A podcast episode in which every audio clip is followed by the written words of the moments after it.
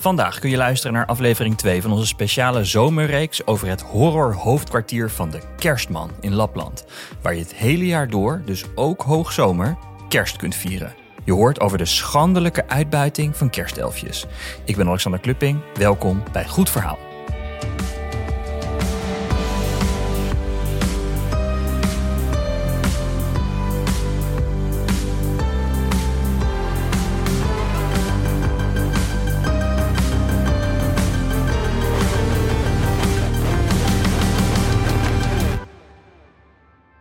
In Goed Verhaal kiezen we elke week de beste verhalen voor je uit en geven we ruim baan aan talentvolle makers. En er staan al tientallen afleveringen van deze podcast voor je klaar. En wil je die bingen? Dan kan dat via Podimo. Ga daarvoor naar podimo.nl slash goedverhaal en dan kun je de eerste 30 dagen gelijk gratis luisteren. Ik las een goed verhaal bij NPR Nieuws over iemand die heet Philip Kuns. En dat is een socioloog aan een Engelse universiteit.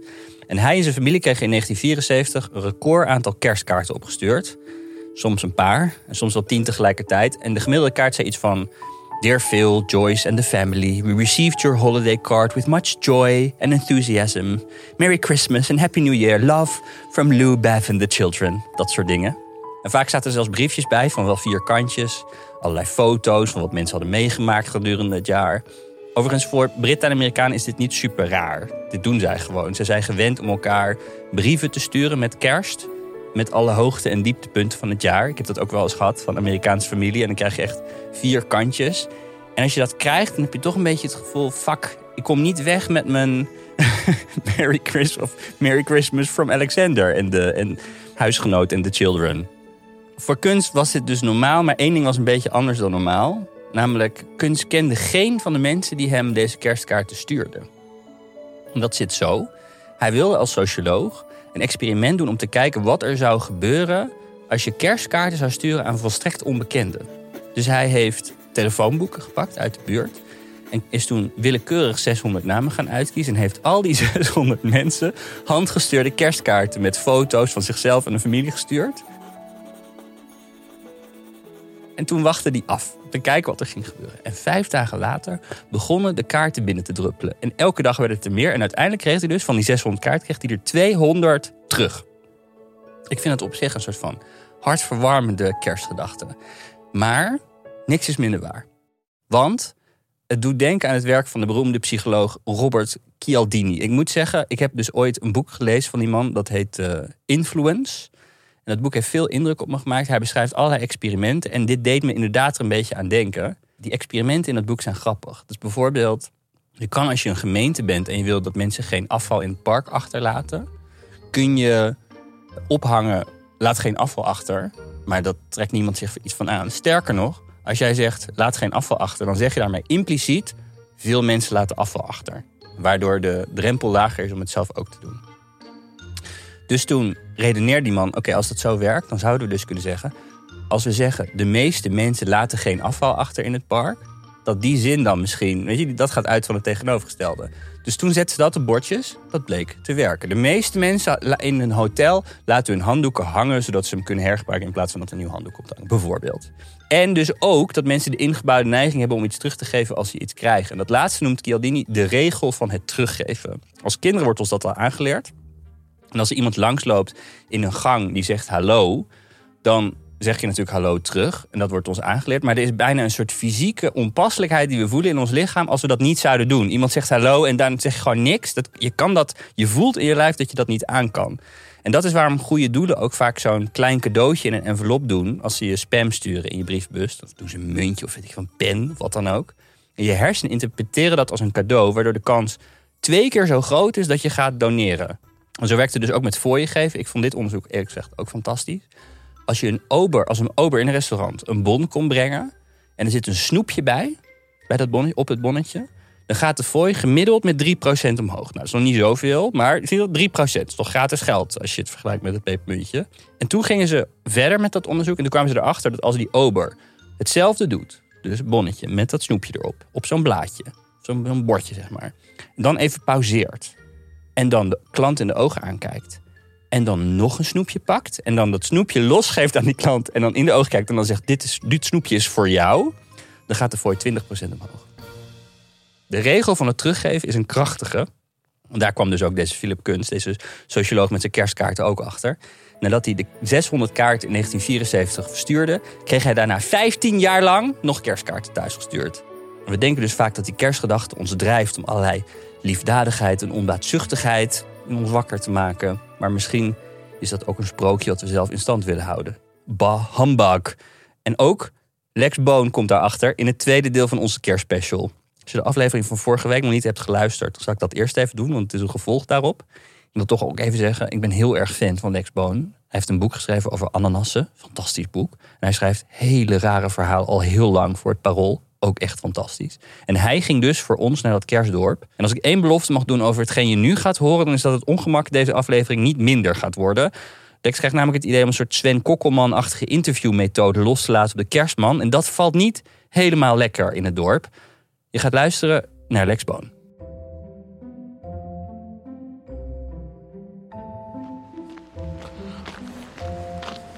Het is ochtend en ik loop door het dorp van de kerstman in Rovaniemi, Finland. De sneeuw is aan het smelten en het regent een beetje. Ik ben een beetje zenuwachtig. Ik altijd wel voor een interview, maar niet helemaal. Gisteren was een interview mislukt doordat ik te gevoelig was gebleken voor het sprookje dat iedereen hier vertelt. Als ik voor het kantoor van de kerstman kennis maak met Salla, de PR-medewerker van Visit Rovaniemi, Hello, good morning. Blijkt ook zij helemaal in de band te zijn van het verhaal. I get kind of a warm feeling in my heart when I see him.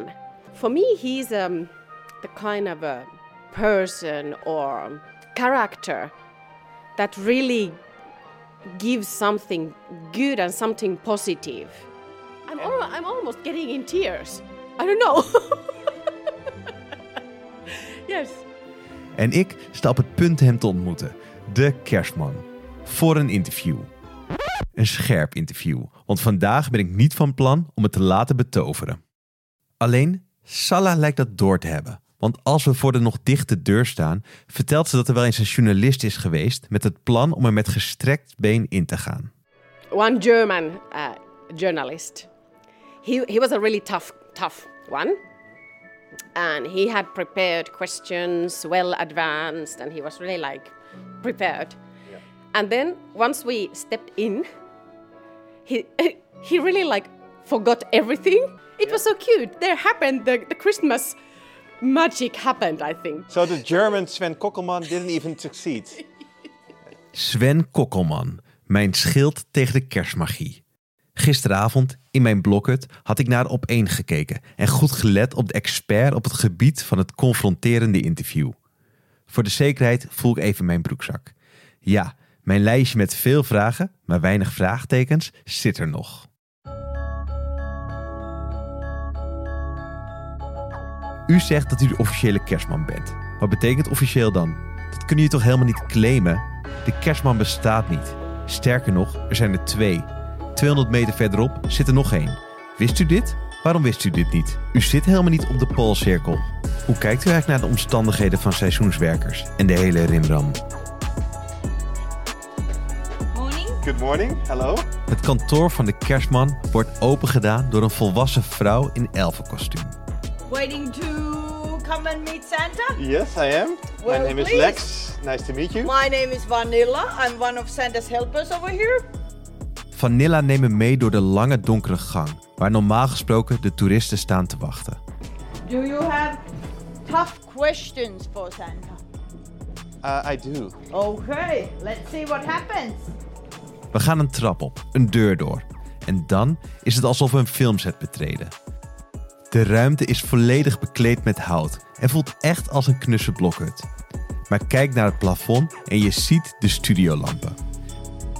Dit is het kantoor van de kerstman. En daar, op een oude houten stoel met rode bekleding, zit hij. Oh, hello. Hoi, goedemorgen, goedemorgen Lex. Ja, zo, zo. Kunnen we het hele interview in Nederlands doen? Ja, ja, natuurlijk, ik spreek Nederlands. Ik ben de kerstman, hoi. ja, ja. Oh. Ik moet plaatsnemen naast de kerstman, op een rood bankje. Maar is het de eerste eh, keer voor jou? Ja, het is mijn eerste keer hier. Ja. eerste, oh, dat is leuk. Ja, ja. De witte dingen a- aan de grond is, dat is sneeuw. Ja, dat, dat is sneeuw. Het is koud en eh, ik ben nog een beetje eh, onder de indruk dat hij Nederlands spreekt. Oh ja, oké. ja. Zou we wisselen in Fins? Ja, we dan behoor zo merk. Eh, beter in, in, beter in Nederland, eh, ja. Oké, goed zo, goed zo. Ja, ja, ja, ja. ja. Maar leuk, leuk, ja. ik heb een lijstje met vragen voor u. Ja, ja, ja. Ehm, en de, de eerste paar vragen komen van, van mijn kinderen. Oké. Ik heb ze beloofd. Sorry, dat had ik nog niet gezegd. Maar mijn kinderen en hun neefjes en nichtjes hadden ook nog wat vragen. Dus voordat ik doe of ik Sven Kokkelman ben, vraag ik de kerstman eerst of hij rijk is, hoe oud hij is, waarom hij altijd rode kleren aan heeft. En als laatste of hij wel eens eet in zijn slee. Oh, oh, oh. Ah, wel, eh, ik mag niet, maar. nog, nog kleintje snotjes, ja. ja, ja. Ik versta het niet helemaal, maar de kleinste snotjes lijkt hij hier te zeggen. En voor kleine snotjes ben ik niet gekomen. Oké, kerstman, we moeten praten. Eh, ja. Wat betekent official in de official hometown van de kerstman? Oh, die official hometown. Ja, ja. Dat is zo dat. dat, dat, dat wel, eh, ik heb mijn, mijn, mijn kantoor hier. Maar wat betekent officieel? Wie bepaalt dat? Eh, wel, ik denk dat dat was, dat was die, die, die eh, post en, en, en die, en die city van, van, van Rovaniemi. Die, die hebben gezegd dat u de echte kerstman bent. Wat met de echte. Nou, de officiële Ik, kerstman. ik, ik, ben, ik ben echt, ja, ja, ja. Ik ben niet plastiek. Ja. Maar officieel doet bedenken dat er maar één kerstman is. Dat u de enige echte bent. Wel, ik, ik, ik ben, ik ben eh, alleen één. Ja. Maar Ja, wanneer, wanneer ik ben in, in, in, in, in, eh, bij de eh, pegel, dan ik kan, kan zitten twee. Maar u bent ook nu in het kersthuis verderop, hier op dit park. Nee, nee, ik ben hier met, met, met jou.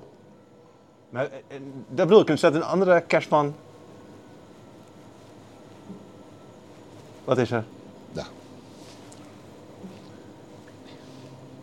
Nee? Je wilt er niet over praten? Eh, De kerstman valt stil. Hij kijkt in paniek om zich heen, op zoek naar Vanilla, maar die is niet aan het opletten. Met zijn rechterhand beweegt hij steeds sneller van links naar rechts, zo bij zijn keel. En als ik hem met onbegrip aankijk, begint hij te wijzen op mijn recorder. En dan valt hij uit zijn rol. ken je turn it off? Turn it off? Ja, ja, ja. De kerstman wil dat ik mijn recorder uitzet. Hij kijkt me opeens serieus aan en zijn donderende lach blijft achterwege. Over het woord officieel en andere kerstmannen praat hij niet, zegt hij. Hij stelt voor dat ik vraag hoe hij op twee plekken tegelijk kan zijn en dat hij dan antwoordt dat hij gewoon heel snel is, dat dat het kerstgeheim is. Maar als ik mijn recorder weer aanzet, heb ik helemaal geen zin om daarnaar te vragen. En gelukkig heb ik van Sven Kokkelman geleerd hoe ik een gesprek moet afronden. Eh, Oké, het laatste woord is nog niet over gesproken. Ja, ja. Eh, dank u wel, eh, Ja, ja, kerstman. ja, ja, ja. Voor dit ja, interview. ja, dankjewel. En, en, en ik denk dat eh, eh, wij zien in, in wel, de, 24, de nacht van 24 december. Ja, nog eh Ja, ja, heel ja. even. hè? Ja. Bijna zover. Ja, ja, goed zo, goed zo. Vanilla merkt dat we zijn uitgepraat. En ze zegt dat we samen op de foto moeten. Ja, ja, ja, we, we, we, we- ja we, take, we take the official, Oh, official pictures too, of course, of course, ja, ja, ja. Time.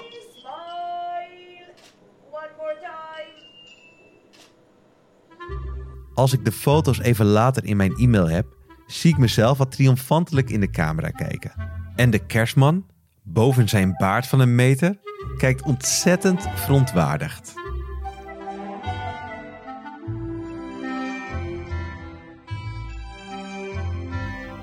Voor de zekerheid loop ik nog even naar de andere kerstman in het kersthuis. Hello. How are you? Good morning. Good. You speak a lot of languages, right? The story goes. The story goes. All, but only on Christmas. But no Dutch. Not much, no. no, no not Deutsch neither. Het is inderdaad niet dezelfde. Maar ja, wat nu? Ik had de kerstman willen vragen naar de arbeidsomstandigheden van zijn elfjes en de andere seizoenswerkers in dit dorp. Maar wat voor een antwoord had ik eigenlijk verwacht? De kerstman had dan zijn masker laten zakken. De betovering was verbroken. Maar als ik meer wilde weten wat er achter de schermen van het kerstdorp gebeurde, moest ik toch echt zelf op onderzoek uit. Of nou ja, samen met mijn hulpelfje. Wat, wat was jouw naam eigenlijk toen je elf was? Snowballs. Dus ik had ook echt een naambordje met snowballs. Dit was jouw elfnaam. Ja. Ik jongeerde ook echt met, met, met sneeuwballen. Aan de keukentafel van Frank, de Nederlandse gids die ik gisteren heb ontmoet, zitten we achter onze computers. Ik heb gevraagd of hij me wil helpen om de industrie in kaart te brengen. Dus we hebben eh, Visit Rovaniemi. Ja. Op een groot vel papier schrijf ik Visit Rovaniemi, het toerismebureau. Het is eigenlijk een ondernemersvereniging die voor 51% van de gemeente is en voor 49% van lokale ondernemers. Oké. Er zijn meer dan 200 bedrijven aangesloten bij de organisatie en samen hebben ze jaarlijks een omzet van 400 miljoen. En Visit Rovaniemi ziet zichzelf vooral als de hoeder van het merk van de kerstman. Kijk, de, de directeur van Visit Rovaniemi z- zegt te pas en te onpas van Santa, de kerstman, is ons belangrijkste en sterkste merk. We kijken nog eens naar de trademarkregistratie van de Official Hometown of Santa Claus. Die is van de gemeente, maar het kantoor van de kerstman, waar de echte kerstman te vinden is, is weer van een ander bedrijf. Dat is dan een soort van subbedrijf van Lapland Safaris. En Lapland Safaris is een enorm groot safaribedrijf. En als je denkt safaris, dan doe je toch in Afrika. Maar in de context van Lapland betekent de safari, dit zijn eigenlijk gewoon alle outdoor activiteiten die mensen hier graag doen. Dus husky hondentochten, rendiertochten, Noorderlichttours. De andere kerstman, dat is in de Christmas House. Ja, dus dat is bij, van de accommodatie waar jij afgelopen dagen hebt geslapen. Ik schrijf alles op het papier en al snel heb ik nog een vel nodig. En je Ja. hebt het postkantoor, dat is weer een echt postkantoor. Ja, dus het is gewoon een echt postkantoor van de Finse, Ja. van de Finse post.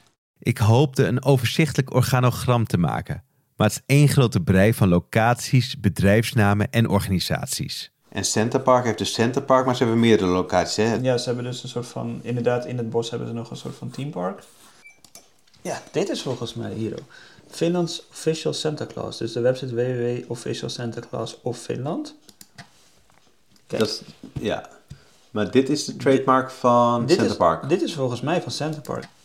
Concurrerende bedrijven hebben zelfs verschillende trademarks en alles lijkt met elkaar verbonden te zijn. Een stad in de greep van de kerstmanindustrie. Een vrouw gehoord van een meisje dat Frans sprak. En er waren enorm veel Franse gasten, niet zoveel gids die Frans spraken.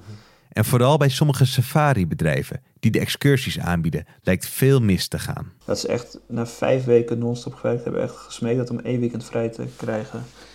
Omdat ze naar zijn bruiloft moest van vrienden in het zuiden van Finland. Dat ze dus een vlucht geboekt. En dat ze er echt opbelden van je moet gewoon morgen terugkomen. Dus ze was vrijdagavond vertrokken en op zaterdagochtend moest ze gewoon een vlucht terugboeken. Want ze moest gewoon op haar werk verschijnen, anders zouden ze haar ontslaan.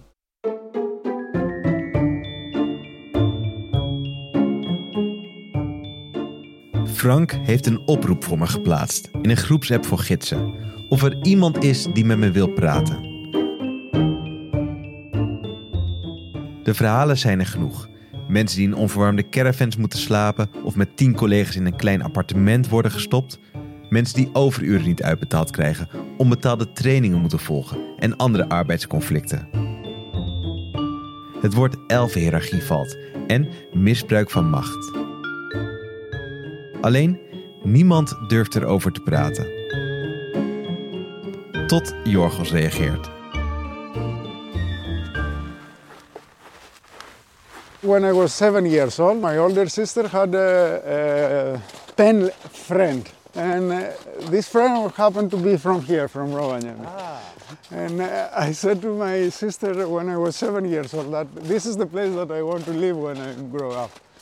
Look at you now. Yes, eh, Tijdens een wandeling rondom een meer vertelt Jorgos over zijn ervaringen. Zes en een half jaar geleden verhuisde hij met zijn gezin vanuit Griekenland naar Rovaniemi voor een baan als gids bij een safari-bedrijf. the company that I worked for, it was maybe the, one of the worst to, to work here in Rovaniemi. You have to be available all the time. You know that you come back at two, at two or three in the morning from the job and you wake up at six o'clock. Met het harde werk had hij niet veel moeite en hij was blij met de 10,25 euro die hij per uur verdiende. Hij had ook geen keus, want zonder contract kon hij hier niet blijven.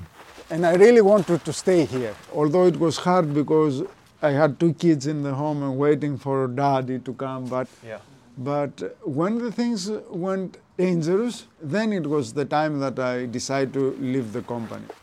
Jorgos deed veel excursies met sneeuwscooters in de wildernis met min 20 graden, met toeristen die voor het eerst sneeuw zagen en niet goed gekleed waren. En als er iets misging, stond je er alleen voor.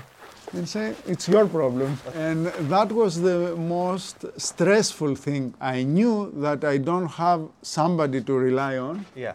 If something happened, any accident or something wrong in the timetable or whatever, it was guide's fault. Op een dag kreeg hij de opdracht om met vijf toeristen een lange sneeuwscootertocht te maken door een voor hem onbekend gebied. In april, de maand waarin het door het smeltende ijs helemaal gevaarlijk is. Je rijdt zo een wak of een moeras in. Jorgos maakte wel bezwaar. But your boss just forced you to do it. Yes. There was no other option. Yeah, no other option. But Uh, that sounds like that's something that it has to go wrong one day. Yes, exactly. Niet veel later nam Jorgos ontslag. En tegenwoordig is hij hier zwemleraar. Nu hij vanaf een afstandje naar de toerismesector kijkt, ziet hij dat er rondom de kerstman een industrie is ontstaan die draait om valse beloftes en het verdienen van geld. En dat het de charme van Rovaniemi, de plek waar hij als kind al van droomde, vanwege de natuur en de sneeuw, langzaam verpest. One of my colleagues the first year told me that if we want Lapland to survive, what really Lapland is, we have to kill Santa.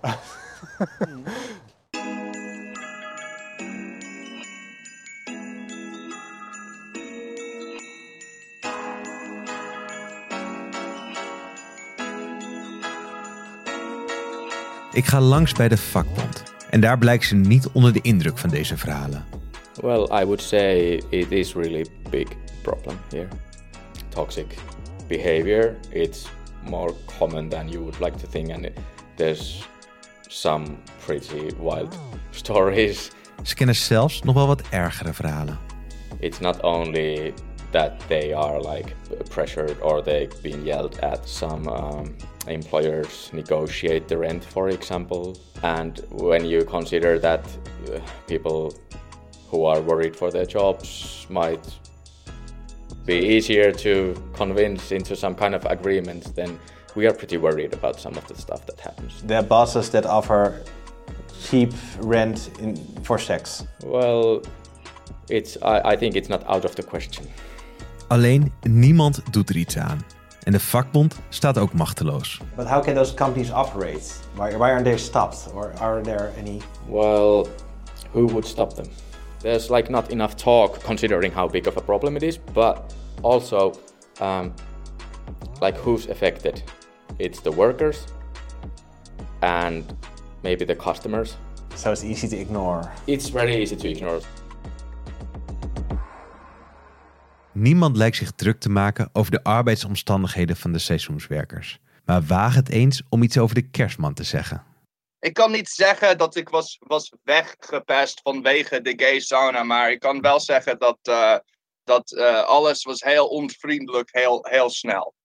Dit is David Nasselder, een Amerikaan die tot een paar jaar geleden in Rovaniemi woonde. Ik spreek hem online, want inmiddels is hij het land uit. Hij vertelt dat hij zijn eigen toerismebedrijf had. Hij organiseerde excursies en verhuurde een grote blokhut met zes kamers voor groepen. En bij die blokhut zat een grote sauna, die hij eens per maand omdoopte tot Santa's Secret Sauna, een gay sauna. Ja, ik wilde gewoon een plek maken, want alles is eh, heel erg geheim in, eh, in, in de noord van Finland. David groeide op in Amerika en spreekt Nederlands doordat hij een Nederlandse vader heeft. Maar soms gaat het automatisch over in het Engels. Het is niet makkelijk als je, als je homo bent daar. Dat, That's that's for sure. That's for sure. And and like that's why this this sauna was so much fun because it was private and and all sorts of people came and like kind of left their mask at the door. en eh, dat, dat, ik schrok nogal van het mailtje dat je stuurde van dat, dat doorstuurde van Visit Rovaniemi. That that was just the it's just the biggest joke ever, man. The whole thing is absolutely absurd. De zaken gingen al niet goed en er speelden heftige dingen in zijn privéleven. En toen kwam daar bovenop een mail van Visit Rovaniemi. Visit Rovaniemi is the city's Christmas brand guardian, and we wish to inform you about Santa Claus values. What comes to LGBT travel, we are happy to welcome a new service provider to Rovaniemi. However, we always wish for new brands to be worthy of our Christmas brand. Ze refereerde aan de website die David had gemaakt voor Santa Secret Santa. Daarop had hij een verhaal geschreven over dat de kerstman queer was. Maar dat de kerstman, opgegroeid in een heteronormatieve wereld vol homofobie, nooit had durven vertellen over de avonturen die hij s'nachts in het bos beleefde met andere mannen. Santa Claus has never made statements like this about his sexuality, and nobody has the right to make such claims of other person's sexuality. And we have the right to stand up for Santa Claus's right to his privacy. We wish you to correct the content of your brand on this page and write instead about how welcome all lesbian, gay, and bi travelers are to Lapland Rovaniemi.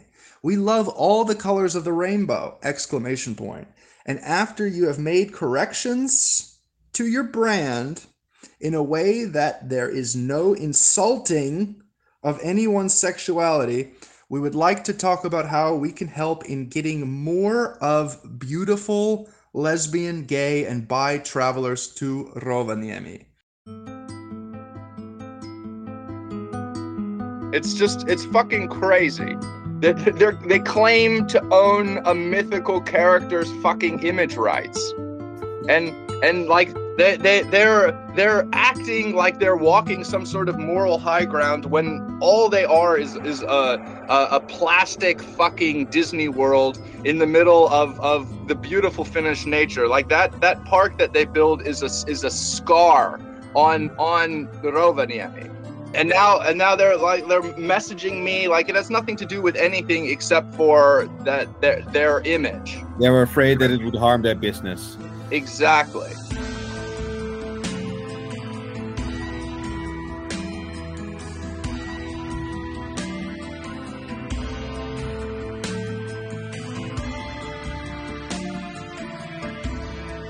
Een dag na ontvangst stuurde David een emotionele mail terug aan Visit Rovaniemi over dat hij het beledigend vond over hoe ze over zijn sauna spraken. En weer een dag later besloot hij maar te stoppen met de sauna.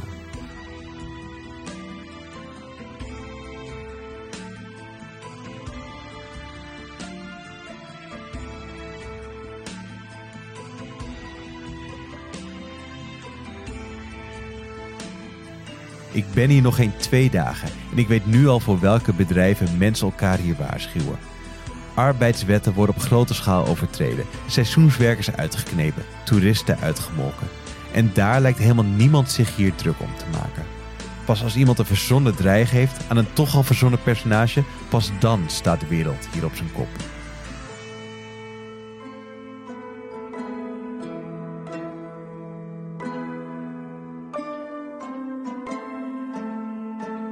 Een van de redenen dat ik naar Rovaniemi ben gekomen is omdat ik van kerstmis hou. Maar langzaam begin ik een soort van Scrooge te worden. En ik heb zin om dit kerstfeest grondig te verpesten. Straks, want ik heb eerst nog een afspraak. No nyt me olemme Ik zit in de auto met Olavi Pokka, de 83-jarige ondernemer achter het kersthuis, die ik eerder heb geïnterviewd. Hij wil me graag een plek laten zien die Hidden Kirnut heet, zegt hij. Het is de rotsformatie waar hij in 1969 begon met het verkopen van rendierhuiden. Ik baal dat het ver buiten de stad blijkt te zijn. Want dit betekent dat we gerust een paar uur op pad zijn. Dat terwijl ik nog alles wil doen vandaag. Ik hoop de advocaat gespecialiseerd in intellectueel eigendomsrecht te pakken te krijgen. Om te vragen of er manieren zijn om de trademark ongeldig te laten verklaren. Of misschien moet ik een website maken en mijn geboortestad Beverwijk uitroepen tot de real official hometown of Santa Claus. Wat zou er dan gebeuren? Maar als we de stad achter ons hebben gelaten, rijden we al snel door smalle, slingerende boswegen, omgeven door miljoenen besneeuwde dennen en sparren. En ik kom een beetje tot rust. Na drie kwartier rijden stappen we uit, ergens in de middle of nowhere. Ik ben hier niet alleen met Olawi. Hij heeft zijn zoon Harry en dochter Mariano meegenomen. En ik heb Frank uitgenodigd.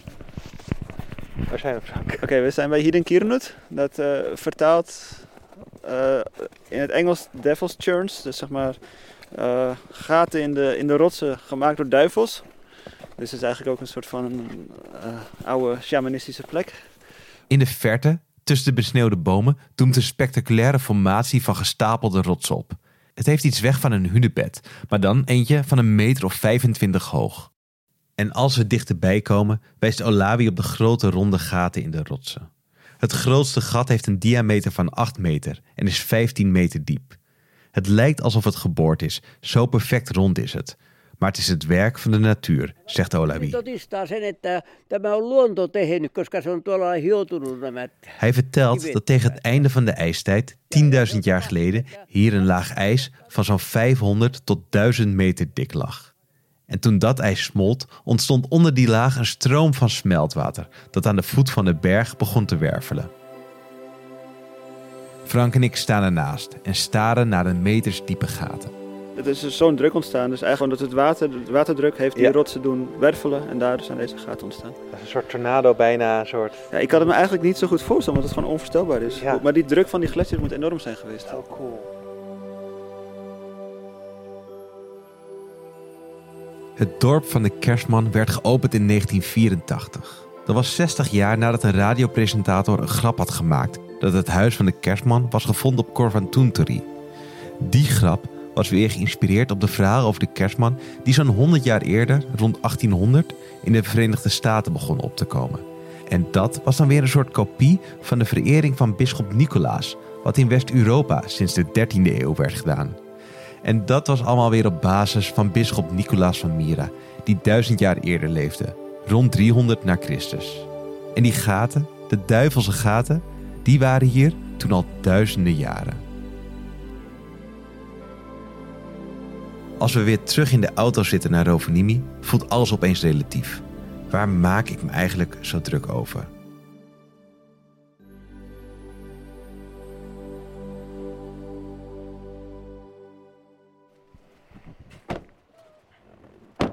Eenmaal terug in de stad willen de pokkas nog hun looierij laten zien, waar de rendierhuiden worden bewerkt.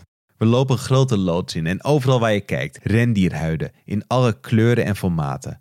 De pokkas verkopen er honderdduizenden per jaar, exporteren ze naar 35 landen.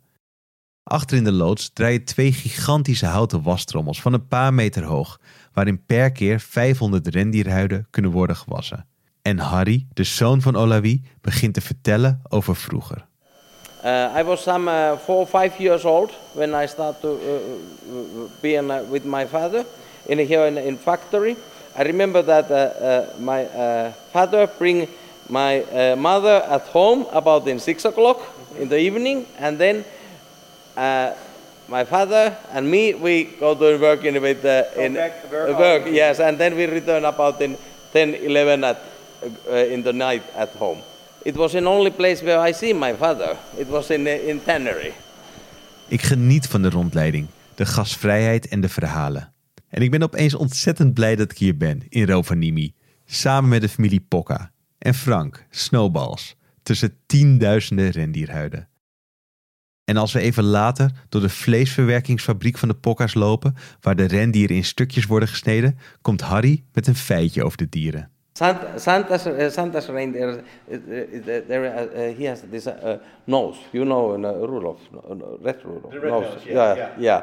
But in this reindeer, what we produce, they have not a nose. It is a, how you call in a, this turba mount. It's a, yeah, it's an another things. Echte rendieren hebben geen neus, maar een snoet. Rudolph the Red-Nosed Reindeer kan dus helemaal niet echt zijn. Weer iets wat nep is. Maar opeens kan me dat niet meer schelen. Ja, dit hele dorp van de kerstman is fake. Maar dat zijn de Hallmark kerstfilms die ik graag kijk ook. En daar kan ik toch ook van genieten? Het is de meest onwaarschijnlijke plek om het kerstgevoel te vinden. In een fabriek waar dagelijks duizenden rendieren tot blikjes rendiervlees worden verwerkt. Maar toch, het is alsof ik opeens de kerstklokjes hoor luiden. En ik moet denken aan wat Cathy had gezegd. Over dat ik vlak na aankomst Jingle Bells aan het neurien was. that was the time when you forgot all about your thoughts that you have to find the story behind the story. it was the Christmas spirit, but you didn't even recognize it. You were just, I'm singing. What is happening to me? I'm enjoying my life. Can I? Yes, you can.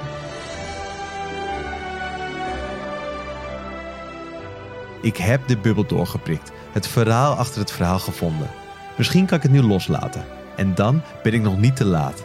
Ik heb nog één dag over in Rovaniemi. Nog één dag om me helemaal open te stellen en te proberen om toch de magie van kerstmis te vinden. Morgen, morgen ga ik mijn best doen. Naar Cathy luisteren in plaats van naar Sven. En me helemaal onderdompelen. Zelfs al betekent dat dat ik een elfenkostuum aan moet doen. In de volgende aflevering. Ik mag een dagje meedraaien als elfje in het postkantoor. Which one do you think is best? The red one, probably, right? Yeah? And I'm an elf? En daarna stap ik bij Frank in de auto. Hey Frank, Ja. ik zit op de kaart te kijken. Ja. Volgens mij zijn we over de Noordpoolcirkel Oh. de, de Poolcirkel Ja, heen nee, gaan. sorry, ja, ja, dat klopt. We zijn nu echt, echt werkelijk boven de Poolcirkel. Woehoe! Ja. Eh, en dat betekent ook dat we een certificaat kunnen gaan kopen. ja, ja. En we rijden door. Want er is iets wat hij me heel graag wil laten zien. Ik, ik heb wel het gevoel dat het vanavond wat kan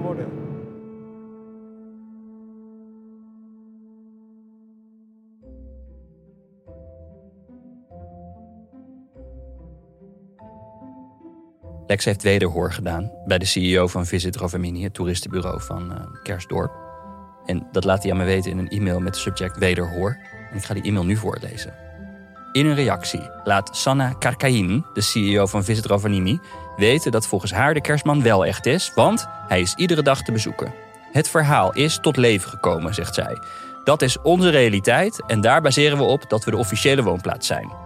Het gaat dan ook juridisch verder, overigens. Ze vindt die trademarkclaim niet misleidend en wijst erop dat de stad Rovaniemi de trademark al meer dan 10 jaar in bezit heeft en dat er nooit een sterke claim is geweest van iemand anders die hetzelfde claimt. Zolang de bezoekers een goede ervaring hebben, vindt Karkainen het ook geen probleem dat er meerdere kerstmannen te bezoeken zijn en dat de wachttijden kunnen oplopen tot meer dan twee uur, hoort daar volgens haar ook bij. Waar je ter wereld ook naartoe gaat, als je de belangrijkste attractie bezoekt, dan is het vanzelfsprekend dat je moet wachten, zegt zij daarover.